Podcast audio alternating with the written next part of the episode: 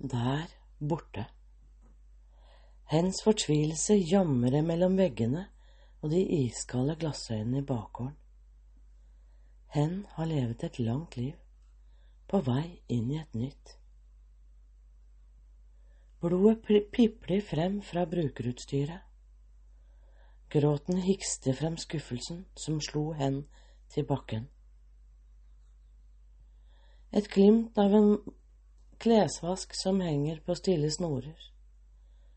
Et levd liv som henger i en tynn tråd. Hen som var uovervinnelig. Hen som trodde at alt var godt. Hen som kunne snakke flytende engelsk. Yes! Jeg favner hjertesorgen hens mellom øynene våre, mens sinnet og skuffelsen over livet renner nedover de fine bollekinnene. Den siste tåren skjelver klamrende på kanten av haken, på vei til første og siste reise inn i forgjengeligheten.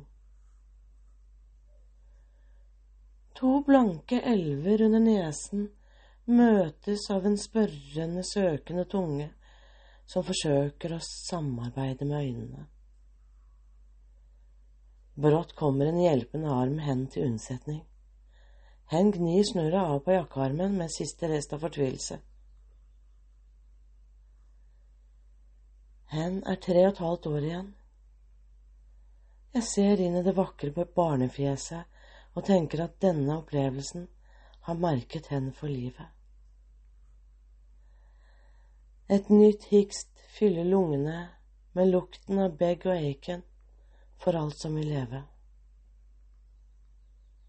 Jeg favner hendene hens mens jeg puster kjærlighet på røde, såre streker med grus. Hen tripper som om hen må på do, og øynene mine lander på mer brukerutstyr med blod. Hen kikker ned på hendene sine. Skrekken i øynene hennes er i ferd med å ville skrike frem de hendene hen hadde før fallet. Jeg vil avlede skrekken og spør, hvor slo du deg? Der borte, sier hen og peker bebreidende på asfalten i bakgården.